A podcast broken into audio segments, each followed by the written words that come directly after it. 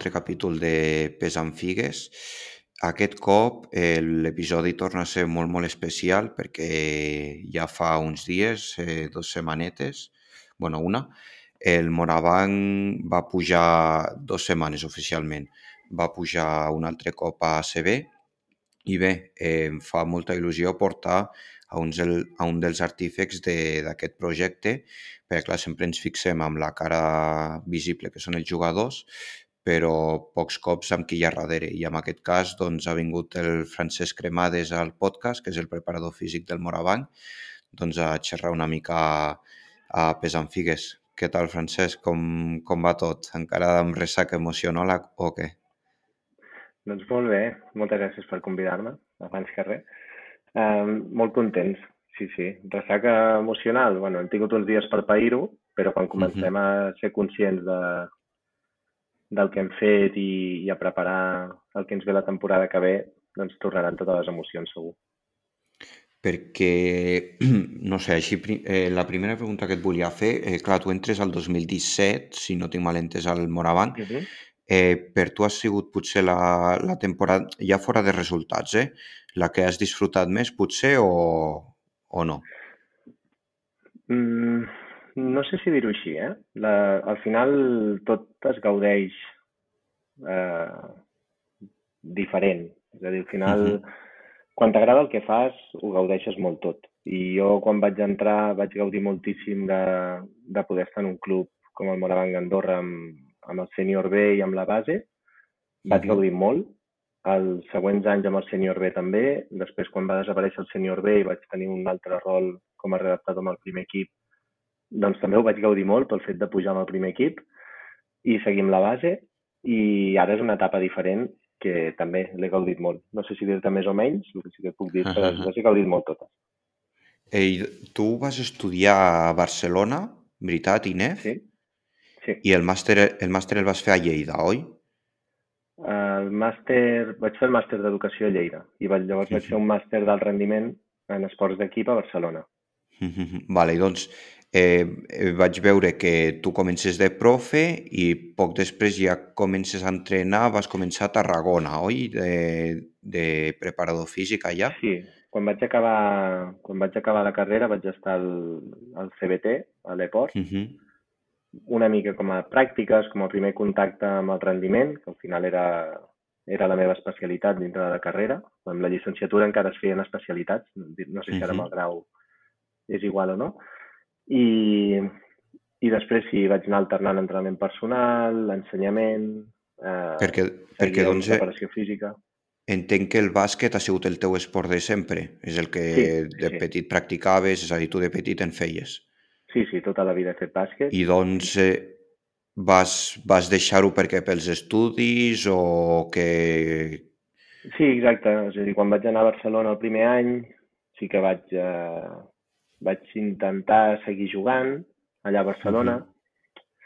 però bé, també era el primer any que estàs fora, eh, em van canviar una mica les prioritats, vaig començar a prioritzar més els estudis, a intentar formar-me i orientar la meva carrera esportiva cap a, cap a la preparació física o cap al rendiment des de la vessant més tècnica. I, i al final l'esport, el, el bàsquet en si com a com a esport recreatiu, anem a dir per mi, que era, uh -huh. el vaig seguir practicant dins la universitat, però ja no com a vale. federat.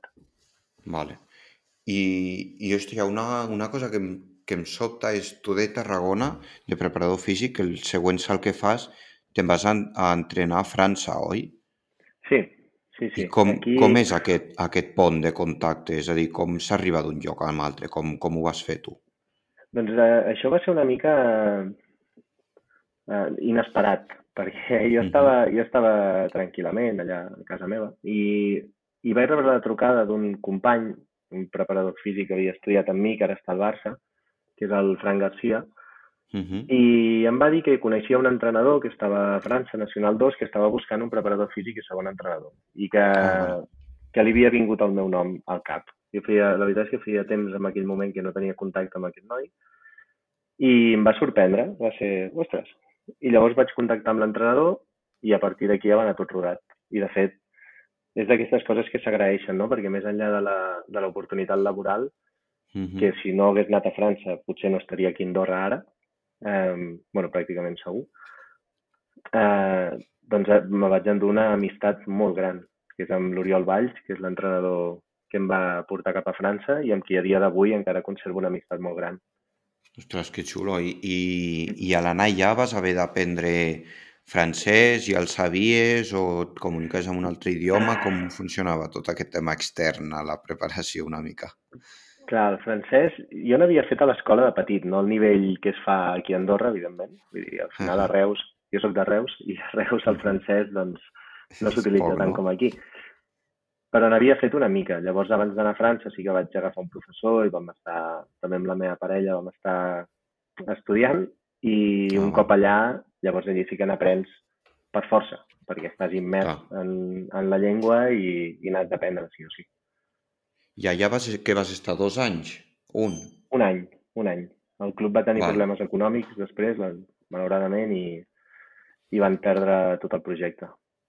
És a dir, que encara que tu haguessis volgut seguir allà, eh, vaig tenir, o sigui, vaig tenir l'oportunitat d'anar a un altre club, perquè després d'estar allà l'entrenador va anar a un equip de Nacional 1 uh -huh. i, i em va, perdó, Nacional 2 i després Nacional 1 següent any i sí que tenia l'oportunitat d'anar amb ell però llavors em va sortir també l'opció de venir a Quindorra, que la meva parella també havia trobat feina a Quindorra uh -huh. i no, no ho vaig dubtar.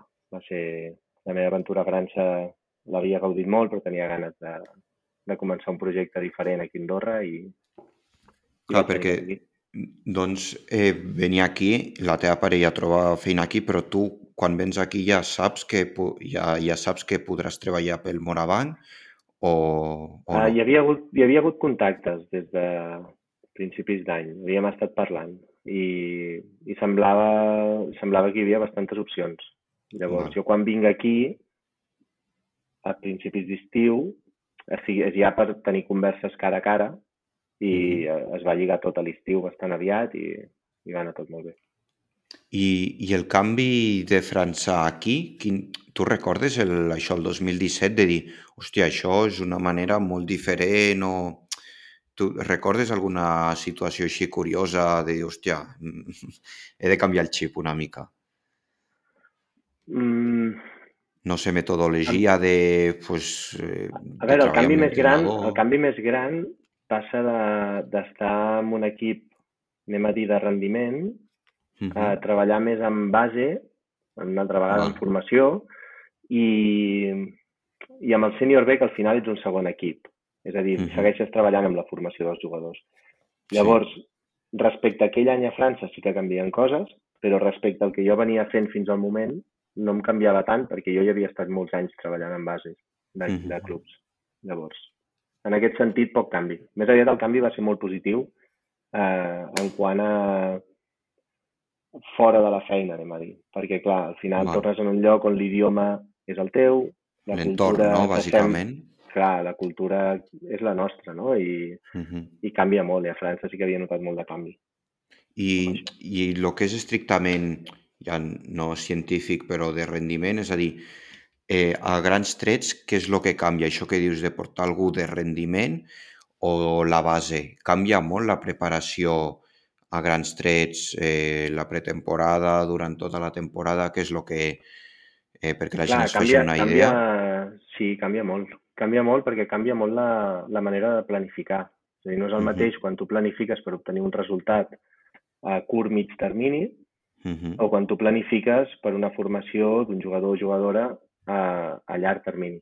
Llavors, mm -hmm. per exemple, amb un infantil, eh, els objectius de rendiment no existeixen. És a dir, potser ah. en alguns nivells mm, se'ls plantegen, tot i que jo personalment, si em dius a mi, jo no hi estaria, no compartiria aquesta, aquesta filosofia. Mm -hmm. Jo penso que infant, en una categoria infantil, cadet, amb júnior ja podria ser una altra història en segons quins nivells, però amb infantil, cadet, els objectius han de ser de formació del jugador no, no tant de rendiment. Al final, quan estàs en un equip, com ens ha passat aquest any, no? que estàs lluitant per pujar, tu el que vols és un rendiment immediat. Tu el que vols és sí. guanyar al cap de setmana, cada cap de setmana. Llavors sí que fas una planificació a mig termini, perquè saps que t'arribaran moments de temporada complicats en els quals has d'estar bé, Uh -huh. però, però necessites guanyar aquell cap de setmana també. Llavors la planificació és diferent en aquest Cre sentit. cre creus que hi ha clubs, eh, fora, clar, fora d'Andorra, evidentment, perquè Andorra el, el gran club és el Morabanc, però creus que hi ha clubs a fora, ja sigui Catalunya, Espanya o França, que els hi costa molt entendre aquesta filosofia i et poses una mica les mans al cap de dir, ostres, és que la base no creix per això, perquè volen resultats ja i no es, i no es pot treballar així. T'ha- N'has vist, eh, Jo has vist diversos parlar per casos la, meva, per la meva experiència dels clubs que he treballat des de dintre i en la majoria, en la majoria, la filosofia del club és de, de formació en categories base, en la Val. majoria. Després sí que et pots trobar persones, individualment, que el que volen és que el seu equip guanyi, sí o sí. Mhm. Llavors, aquí es creua una mica l'opinió personal d'una persona amb la filosofia del club. Eh, jo és el que m'he Clar. trobat alguna vegada. Ara, si hi ha clubs que la filosofia seva és més de rendiment en categories base o no, això ja no t'ho sé dir. Jo no, Ja, jo no ja, m'hi he ja. trobat personalment. No, no, doncs bo- bona, bona senyal. Eh, tu, tu com a preparador físic, quina, quan, no percentatge, però has d'exercir a vegades bastant de una mica de psicòleg, entrenador, eh, has de a vegades sortir una mica del teu rol i també eh, ajudar bastant amb altres aspectes o què? Aquest any, per exemple, o l'any com a, passat? la paraula psicòleg és, és En, en, jo entre moltes cometes, eh? No sé sí, si sí, m'entens, sí. Jo et, però... diria, jo et diria que has d'intentar sumar en tots els sentits. I moltes Mhm. vegades sabem que la figura de preparador físic acaba sent moltes vegades un enllaç entre jugadors, entrenador o entre cos mèdic, entrenador. Sí. Hi ha llocs en què més, hi ha llocs en què menys, però moltes vegades et trobes una mica al mig, no? Mhm. I has de saber doncs, eh, gestionar la informació que t'arriba pels dos costats, per a vegades fer, anem a dir, potser una miqueta eh, suavitzar coses, relativitzar, acompanyar, és a dir, fer entendre, no? A- acostar posicions, a vegades quan hi ha alguna situació així. Mm, però jo crec que això al final, més que el rol de preparador físic, perquè t'hi obliga una mica quan tens un paper que connectes dos blocs de, de gent, no? Però al Mhm. final, dins d'un equip, tothom ha de, ha de prendre aquesta responsabilitat i ha d'intentar tenir la qualitat humana per, per fer ponts i per intentar sumar sempre, en tots els sentits, tant dins i fora de la pista. I, i no és una cosa exclusiva del preparador físic, sinó que al final fisioterapeutes, eh, entrenadors ajudants, eh, és a dir, tot, tota persona que forma part del cos tècnic ha de sumar en aquest sentit. Ja.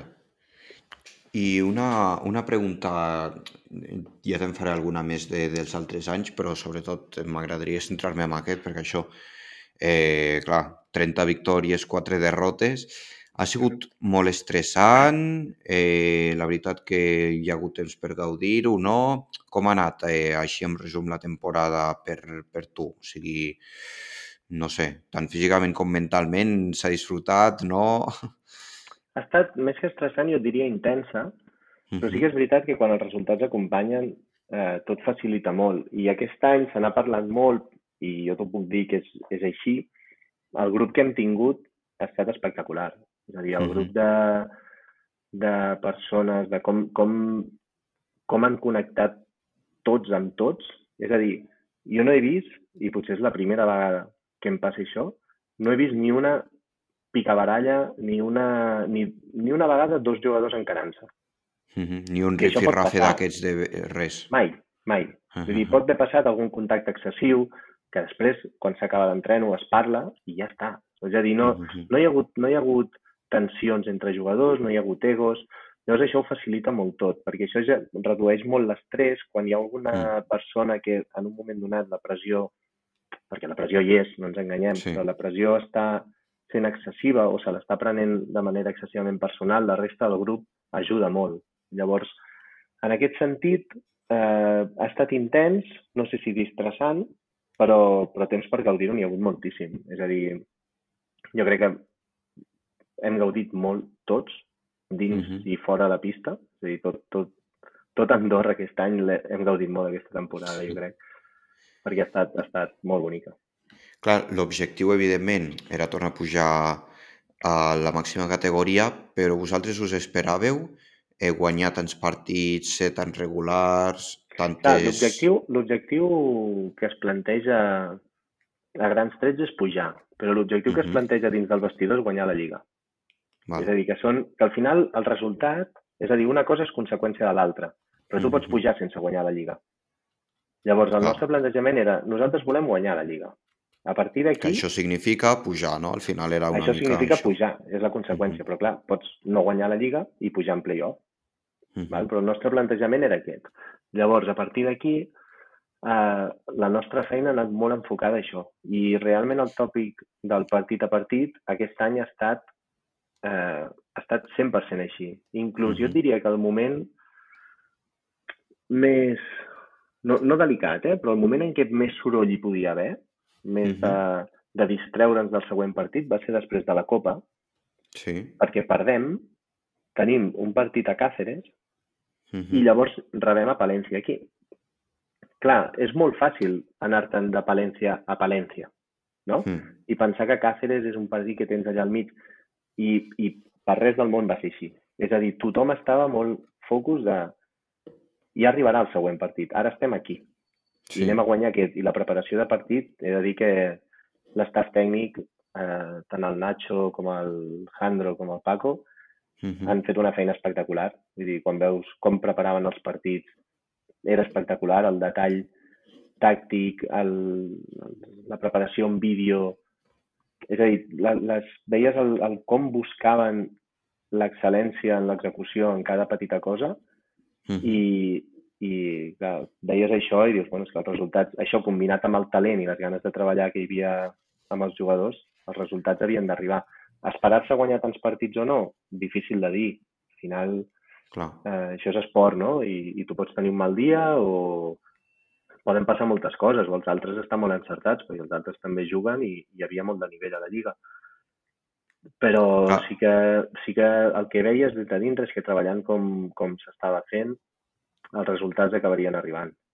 És que això, sobre això que parlaves, Francesc, també et volia parlar, clar, de fora s'ha vist molt que l'apartat tàctic, tècnic i físic, hòstia, semblava que anéssiu sobradíssims. Ja sé que és el que dius, que clar, mm, tots els partits són supercomplicats, però des de dins també es comentava això, que ostres, que clar, heu treballat tan bé i tan dur, doncs que teniu una marxa més. Eh, és així o des de fora penses que, que no és el mateix que s'ha viscut des de dins?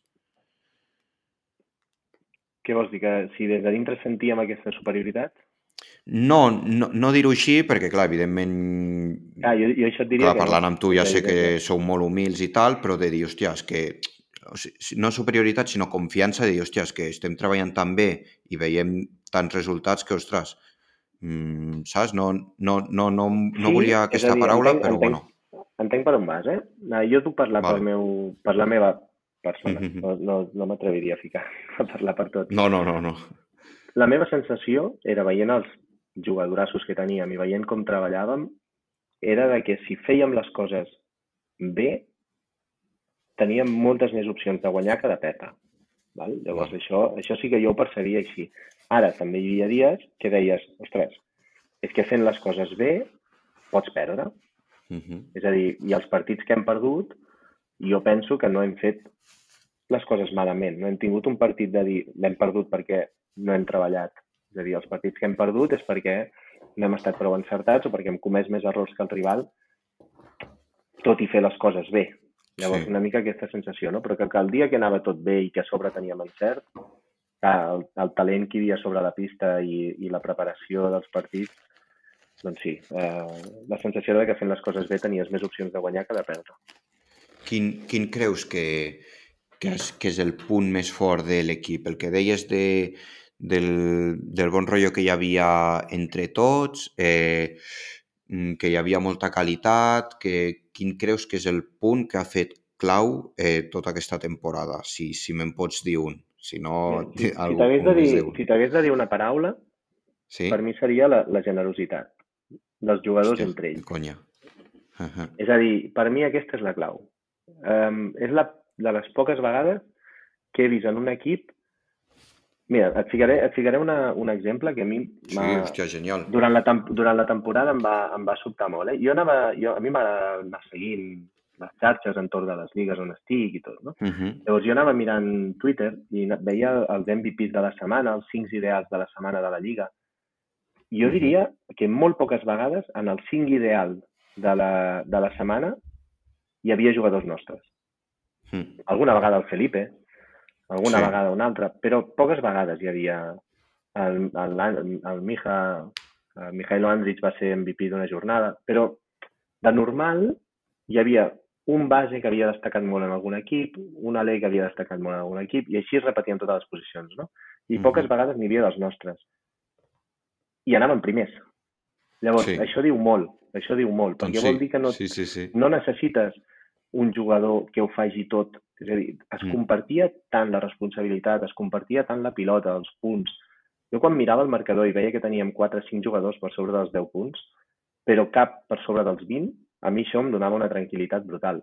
Jo era dels dies que Mhm. deia, avui guanyarem, perquè estem jugant tots, i tothom suma i tothom aporta. I per mi aquesta és una de les claus de l'èxit, perquè al final això és un esport d'equip. Llavors, Ostres, és que aquest és- any s'ha aconseguit ser un equip. És que és el que dius, és una passada veure quan s'acaba un partit, eh, això, les estadístiques, quan tot l'equip equip veus que ha participat, que no hi ha hagut una estrella o tal, eh, al principi de temporada, o sigui, creus que els jugadors ja venien amb aquesta mentalitat, va costar implementar-los o el, això o els hi va sortir de dins, de dir no, no, tots a una? Això, ells ja venien mentalitzats d'això, però a part la manera de jugar de l'equip Uh -huh. eh, convidava a això. És a dir, no hi, havia, no hi havia moltes situacions tàctiques que es fossin repetitives pel mateix jugador. Llavors, Uh -huh. els sistemes també convidaven a això, però clar, necessites que el jugador ho vulgui fer. I jo crec que tots, tots ho han tingut claríssim. Val. I, I vosaltres acabeu això, l'últim partit va ser la setmana passada, quan s'acaba la temporada, és això, ara els, hem d'entendre que els jugadors estan de vacances, Sí. val. ara, desca ara descansen, sí. I, quan i normalment quan, quan tornen? A veure, quan tornen a fer coses? Sí, perquè jo que sé, amb ciclisme, pues, no sé, de normal es dona, fa, es fa un mes de, de parón i després tornes Mhm. amb, amb, el, amb bàsquet i amb aquest nivell quan, quan doneu, més o menys. Clar, nosaltres el que plantegem ara és... Hi ha diferents escenaris. Eh? Els lesionats ara mateix segueixen treballant. Uh -huh. Els no lesionats, però que han arrossegat alguna coseta o que necessitem fer preventius, tindran uns 15 dies, entre 11 i 15 dies de pausa total fins Val. a començar a fer algun treball general de preventius. I després, en general, et diria que la persona que està en, en òptimes condicions, que seria que pot descansar del tot, li donaria un Mhm. màxim de tres setmanes. I tres Val. setmanes de descans i a partir d'aquí tornen a començar a fer treball sobretot de, de peses i, i de força Mhm. general, combinat amb, alguna, amb algun treball de pista, però molt general. Però clar, tu no descanses perquè tu tens eh, training, training Time, no? que és l'empresa que... Sí. Esteve, l'empresa, Francesc? Sí, però és, és un comerç i sí, sí. Sí soc I, autònom. bueno, comenta'ns una mica training, eh, això que és trainingtime.ad per qui vulgui anar-hi. Mhm. Comenta'ns una mica el que oferiu i, i una mica El- així... El plantejament al final era de fer un, un, un negoci d'entrenament personal Uh -huh. online. I la veritat és que ha anat derivant més cap a entrenament presencial en els casos que se m'ha demanat Uh -huh. i sí que faig planificacions online a través de Training Peaks, eh, Mhm. tant pe- pels objectius que siguin relacionats amb l'entrenament, ja sigui per ciclisme, per eh, corredors, per fitness, eh, és això. Sí que és veritat Val. que aquest any amb el bàsquet he anat molt absorbit pel bàsquet, Uh -huh. llavors m'ha costat més dedicar hores al negoci, però aquí està. I, I- i- preparat i per tu quan- qualsevol dia llançar-ho. Quan, quan, quan crees tu Training Time? Quan arribes a Andorra el 2017, 2018 No, o com... Va ser, si no m'equivoco, el 2019 ho vaig crear. Val. Va ser el 2019, arran de... va ser per, per, per demanda, perquè al final gent que em demanava fer coses i, i vaig pensar, dic, bueno, doncs, ho haurem de fer bé. I és quan decideixo fer-me treballador per compte propi Val. i obrir el comerç. Ah, de conya, perquè et volia demanar això, d'on sortia la idea, doncs genial que, que l'has regis Sí. respost tu sol. O sigui que, clar, tu al final no tens ni descans, ni pretemporada, ni res. El preparador físic no descansa, oi? Bueno, descansaré, eh? No ens enganyem. Bueno, sí, faràs les teves vacances, perquè, clar, tens família i Cal tal, però és allò que... El que passa que sempre tens una mica és com si dormissis amb un ull obert, no? Al final descanses, sí, exacte. però, però estàs, estàs atent i vas fent cosetes i vas Ahà. dedicant una estona cada dia a fer, a fer una mica de feina. Per mi això és, és suficient descans, la veritat. És a dir, jo amb això estic molt content. I Perquè a més m'agrada, després- és a dir, a mi posar-me a preparar peses Ahà. i posar-me a preparar el treball de força dels jugadors o si he de fer les planificacions per ara que comencen totes les curses eh, Mhm. que ja han començat, de fet. En, la Jorma va ser fa dues setmanes, si no m'equivoco. Sí. Doncs ara ve la, la travessa d'en Camp, Ahà. eh, la, doncs totes aquestes que n'estic preparant alguna amb, amb algunes persones, doncs eh, a mi m'encanta això. Llavors, Val. I, clar, la, la, la pregunta que faig sovint als esportistes, que és, és la pregunta fàcil de eh, quin és l'entrenament que t'agrada més eh, de sèries, si no sé, o, si t'agrada més entrenament de base. Clar, un preparador no li havia fet mai la pregunta. Tu quin és l'entreno que t'agrada més posar? Ja sigui de força de, o no? Quin és on et trobes més còmode i et mola molt analitzar-lo? Em sabries dir alguna cosa o què? És una pregunta difícil, eh? No me l'havia plantejat. A mi, mira, el que, el que m'agrada més de l'entrenament és analitzar la situació i dissenyar el procés. Uh -huh. Llavors, quin tipus d'entrenament m'agrada més? O sigui, això potser ho hauríem de preguntar, a vegades és inconscient, no? Potser hauríem de preguntar als esportistes que em dirien, no, Sí. sí. m'encanta fer això. Però, però a mi m'agrada molt, m'agrada molt el treball de força, Uh -huh. i el treball de força és el que més m'agrada, per, tant per, per fer treballar com per treballar jo. Uh -huh. I, i no sabia què dir en, en bàsquet, el treball de força específic és on jo gaudeixo més perquè sento que puc exprimir una mica més el, el, el que he après fins ara, no? Clar, Potser seria clar, clar, això. clar. I, i al, al gimnàs mateix, digue'ns un exercici que t'agradi a tu. És a dir, tu quan, doncs, quan hagis hagut d'entrenar o el que sigui, de dir, Exercici hòstia, que aquest exercici trobo que a més eh, s'assembla molt a lo que després es farà a l'esport i, hòstia, crec que té molta, molta eficiència o el que sigui. Sí, mira, que m'agradi a mi fer, Sí. hi ha tres exercicis que, que faig pràcticament sempre, Uh -huh. que hi vaig, que és eh, antirotacions, Vale? ja sigui amb, amb politja cònica o amb goma, Uh -huh. obertures de pectoral, aquest és un exercici que m'agrada de manera Mhm. irracional, no sé per què, i el pes mort. Són Vale. tres exercicis que a mi m'agraden molt. Vale. els faig pràcticament I sempre. els fas treballar molt als, als jugadors, doncs, o, o no? L'antirotació a sí, el, el pes mort no necessàriament. Amb els Val. jugadors m'agraden més treballs asimètrics. Faig Val. més treballs de split squat, eh, per, Mhm. parlant de cames, eh? Um, Mhm. més, més treballs asimètrics, sí, de força general. Trobe, trobes a faltar, ara que portes ja bastants anys ja amb el primer equip i tal, trobes a faltar la base o què? En alguns moments sí, en alguns moments sí, perquè, clar, jo he vist la, la generació del 2004, per exemple, que quan Mhm. jo arribo són infantils, i treballo amb ells fins que són júniors de segon any. Uh. I trobo faltar viure el procés de creixement dels Ja. jugadors, que això és, Mhm. això és molt bonic.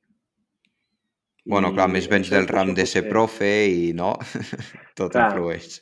Clar, tens aquest punt de, de veure el creixement, veure també com evolucionen com a persones, ja no només com a esportistes, la relació Mhm. que construeixes amb ells. Jo ara hi ha, hi ha algun, algun d'aquests del 2004 que ja estan a la universitat i que l'altre dia, quan s'acaba el partit d'Ourense, baixen a pista i ens abracem, i amb els del 2006 també, no? Doncs aquest, aquesta sensació de, de la relació que crees amb, amb aquestes persones que, van, que els has vist créixer és una uh -huh. part molt bonica de, de treballar en formació.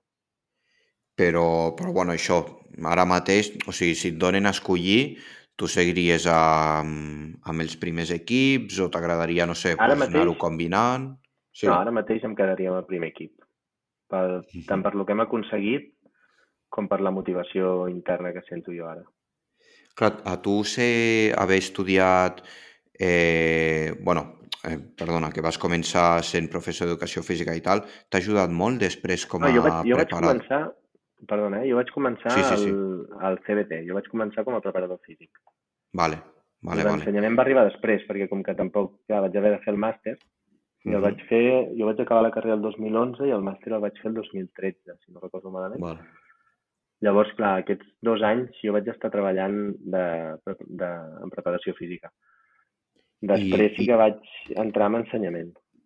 I, i creus que t'ha ajudat? Eh, suposo que sí, no? Eh, estar sí, en ensenyament, després la preparació física, pues, l'explicació, la, ser més pedagog en aquest sentit, no? O què? Jo crec que sí, sens dubte. Jo penso que tot, a part de que soc dels que pensa que tot ajuda, sempre, uh -huh. tant tot suma, tant bones no? com males experiències, de tot se n'aprèn. Um, a mi el, el món de l'ensenyament he tingut la sort de tenir molt bones experiències sempre. L'any passat vaig estar a segona ensenyança d'Ordino, uh -huh. uh, fent d'educació física, vaig gaudir-ho molt, vaig aprendre molt. Ostres, vale. I t'ensenya molt eh, el que dius, no? La part més pedagògica, didàctica, sobretot també uh -huh. entens molt la, a individualitzar el, el procés de cada tenir, persona. Tenir per paciència, sobretot. I entendre, entendre la persona que tens davant, perquè una vegada uh -huh. entens que aquella persona fa un... Cada persona fa un procés diferent per, per, per, uh -huh. per interioritzar els conceptes, no? Llavors, quan tu tens un grup de 12 persones al davant, que cada un és diferent, a part de que és molt més fàcil que quan tens 20 alumnes, 12 és la meitat pràcticament, um, aquest, aquest bagatge doncs ajuda mm -hmm. molt. Ajuda molt perquè els entens millor i jo crec que tens una mica més de capacitat d'arribar millor a, a aquestes persones. Sí, sí, sí, que mm -hmm. m'ha portat molt. Mira, ja, ja anant acabant amb les, amb les preguntes, eh, i en, encara dins del, de l'equip no s'ha parlat, no? De l'any que ve, d'objectius, encara no, no, no toca, no? Mm, que jo sàpiga, no. A mi no, vale, vale, a mi vale. no se n'ha parlat. Vale, era per aviam si podíem treure alguna cosa, no? Però, però bueno, això, que tenim moltes ganes de, de, de veure aviam com va tot i mira, normalment acabo el, el podcast eh, demanant al convidat que ens recomani una cançó i a tu et diré el mateix, que ens recomanis una cançó que creus que a tu et defineixi bé o que t'agradi o que creus que defineixi bé doncs, a l'equip o que t'agradi posar els entrenaments, que algo que ens recomanis per, per tancar l'episodi. Jo, tinc un problema, jo tinc un problema amb això, ja et diré. jo escolto moltíssima música, moltíssima música. Llavors, clar, quan, quan et passa això, uh -huh. és molt difícil triar una cançó. Val, pues... Hmm, jo aviam. diria, va, te'n diré, te diré una. Vinga, va. Uh, que es diu Spirit Bird, de Xavier mm -hmm. Ruth. Vale. Que és una, és una cançó que no la poso als entrenaments res, però que a mi m'ha donat molts moments de pau i que és una mm -hmm. cançó que a mi m'arriba. No sé per què. Doncs mira, crec que és la perfecta per... serà la perfecta per tancar l'episodi i res, eh, que sàpigui la gent que ens escolta que el Francesc em va dir, ostres, que sóc bastant tímid, eh, normalment no faig entrevistes, tal, i em sembla que la gent no haurà notat res, o sigui, al contrari, o sigui que t'agraeixo t'agraeixo molt el teu temps, Francesc, i que ens hagis apropat una mica no, més, doncs això, l'ascens i com es viu des de darrere. O sigui que, que moltes gràcies i t'estarem seguint de ben a prop a tu i, i a aquests jabalis que portes. doncs moltes gràcies, Kilian, i, i molts ànims amb el podcast, que fa molt bona Moltes gràcies, Francesc. Una abraçada molt forta i, i ànims. Igualment. Gràcies. Laugh and we cry and we sleep in your dust because we've seen this all before. Culture fades with tears and grace, leaving us stunned, hollow with shame. We have seen this all, seen it all before. Many tribes of a modern kind doing brand new work, same spirit by side, joining hearts and hands in ancestral twine, ancestral twine.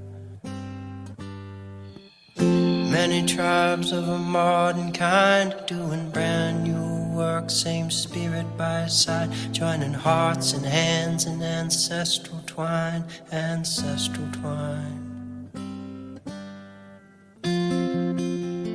Slowly it fades.